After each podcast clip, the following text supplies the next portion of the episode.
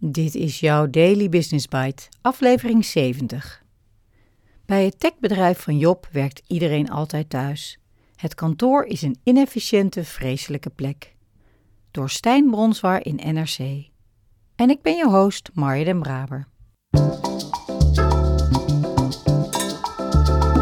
Je luistert naar Daily Business Bites met Marja den Braber, waarin ze voor jou de beste artikelen over persoonlijke ontwikkeling en ondernemen selecteert en voorleest. Elke dag in minder dan 10 minuten.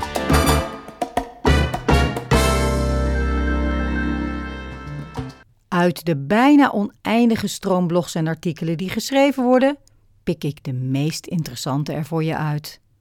Let's start.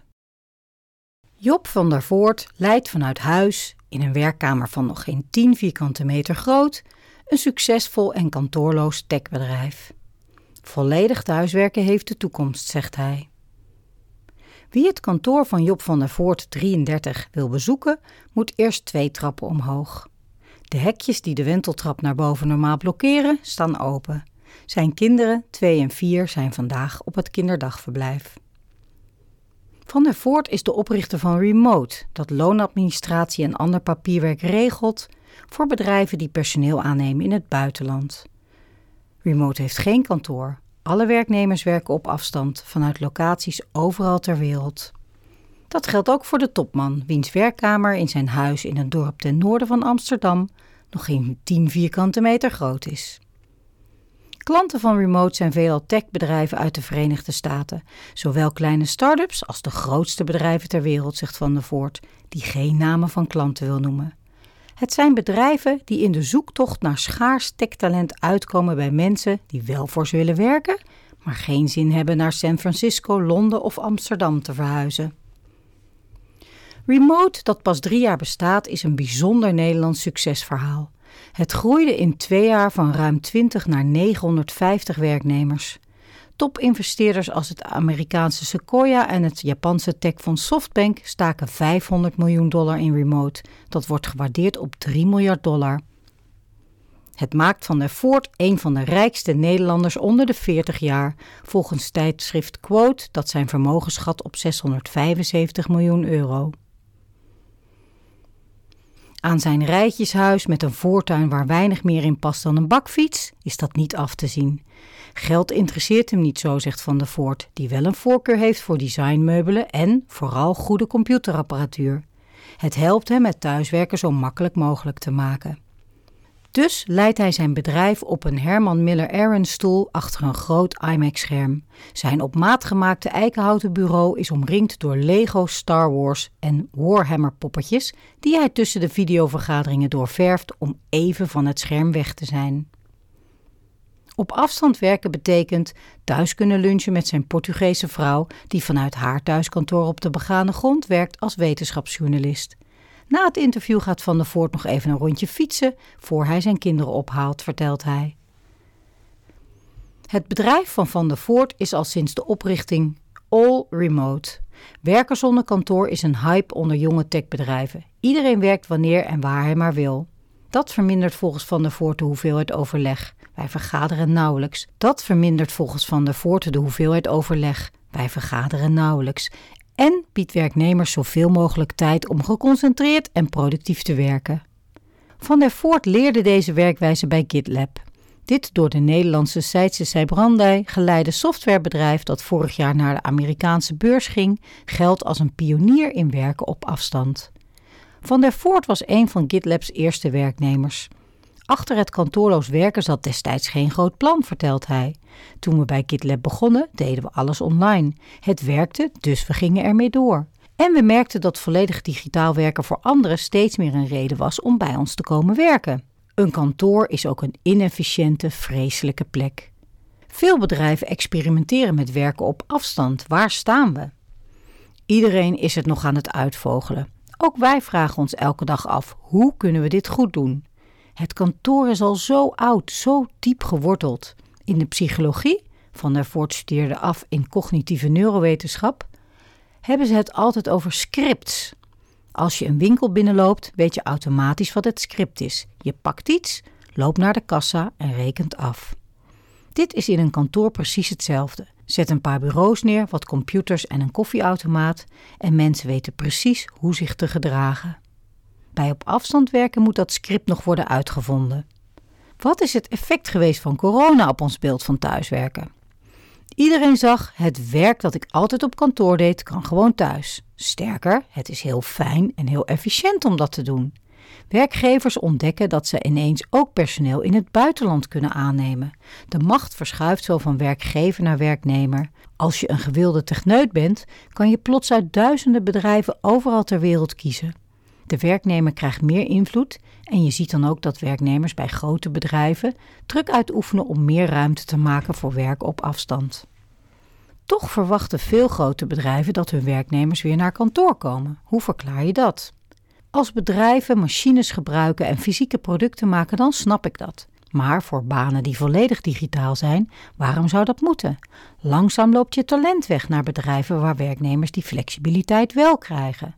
Waar ze wel naar een andere stad of een ander land kunnen verhuizen.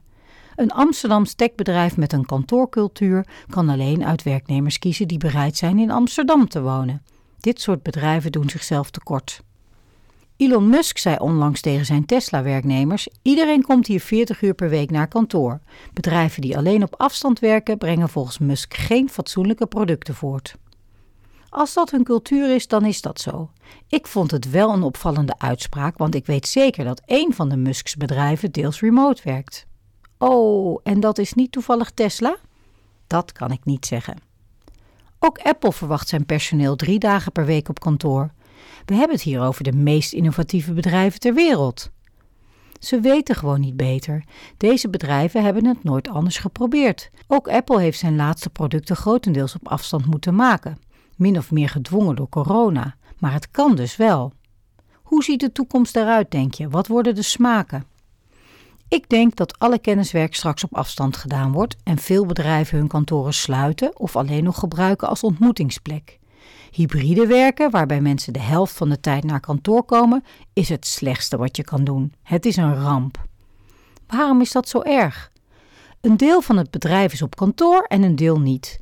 Dat leidt tot een scheiding tussen groepen met ieder een andere informatiepositie. De mensen die met elkaar op kantoor zijn, hebben geen enkele reden de informatie die zij met elkaar wisselen voor jou als afstandswerker toegankelijk te maken.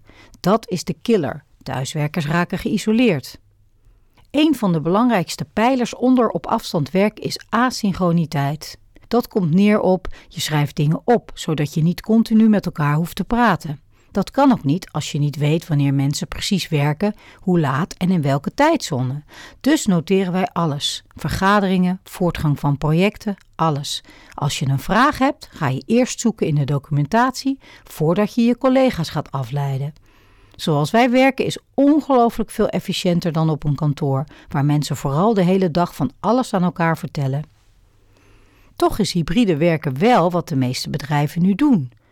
Waarom denk je? Deze bedrijven hebben superdure kantoren waar ze niet vanaf komen en leidinggevenden hebben angst. Managers willen controle en zijn bang die te verliezen als mensen nooit meer naar kantoor komen. Hoe kan een bedrijf die stap maken als het dit niet al vanaf het begin heeft gedaan? Laat kleine teams zichzelf organiseren en het uitvogelen. Experimenteer er eens mee. Ja, het is super moeilijk, zeker voor veel grote bedrijven. Iedereen moet ineens een of andere nieuwe tool gebruiken, daar toegang toe hebben, alles opschrijven. Werknemers moeten dat leren om in ruil de vrijheid terug te krijgen die op afstand werken met zich meebrengt. Waarom denk je dat werknemers zo graag naar kantoor gaan? Ze weten niet beter, toch? Of je wil niet vanuit huis werken of je kan niet thuiswerken. Dat zijn goede redenen. Voor veel mensen is kantoor ook een sociale ontmoetingsplek. Zeker mensen die niet de luxe hebben voor een goede werkplek in hun woning. Ik denk dat de mensen bij Remote gemiddeld hun collega's beter kennen dan bij vrijwel elk ander bedrijf waar mensen de hele dag op kantoor zitten. Wij organiseren heel bewust allerlei gelegenheden waarbij mensen elkaar kunnen leren kennen. Spelletjes, quizzen, sociale activiteiten. En we moedigen werknemers aan die bij elkaar in de buurt wonen om elkaar op te zoeken. We zien dat op afstand werken je relatie tot werk fundamenteel verandert. In plaats van dat werk je hele leven is, heb je ineens meer tijd voor sociale contacten daarbuiten. Daily Business Bites met Marja Den Braber. Je luisterde naar Bij het techbedrijf van Job werkt iedereen altijd thuis. Het kantoor is een inefficiënte, vreselijke plek van Stijn Bronswaar. Op afstand werken, de discussie, een hot issue, een gevecht zelfs, wat in veel bedrijven plaatsvindt. De voorstanders, de tegenstanders, de feiten, de scripts. Best lang eigenlijk al, want de lockdowns waarin het niet anders kon, liggen toch best wel al even achter ons. Ik vind het een beren interessant onderwerp.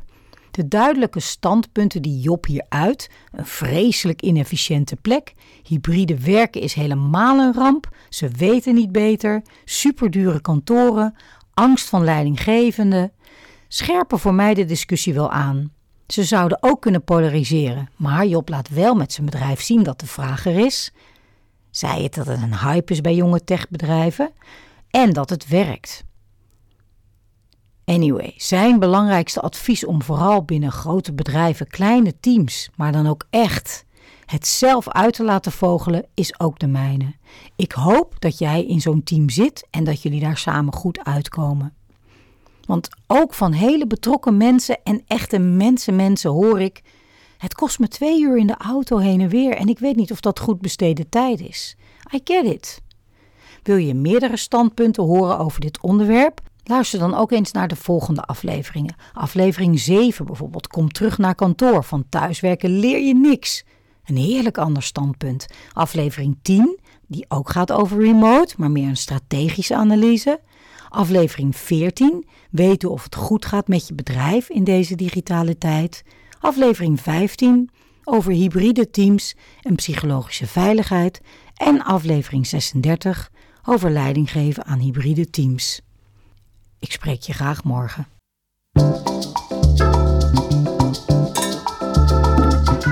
Dit was Daily Business Bites. Wil je vaker voorgelezen worden? Abonneer je dan op de podcast in je favoriete podcast-app. Meer weten? Klik op de links in de show notes.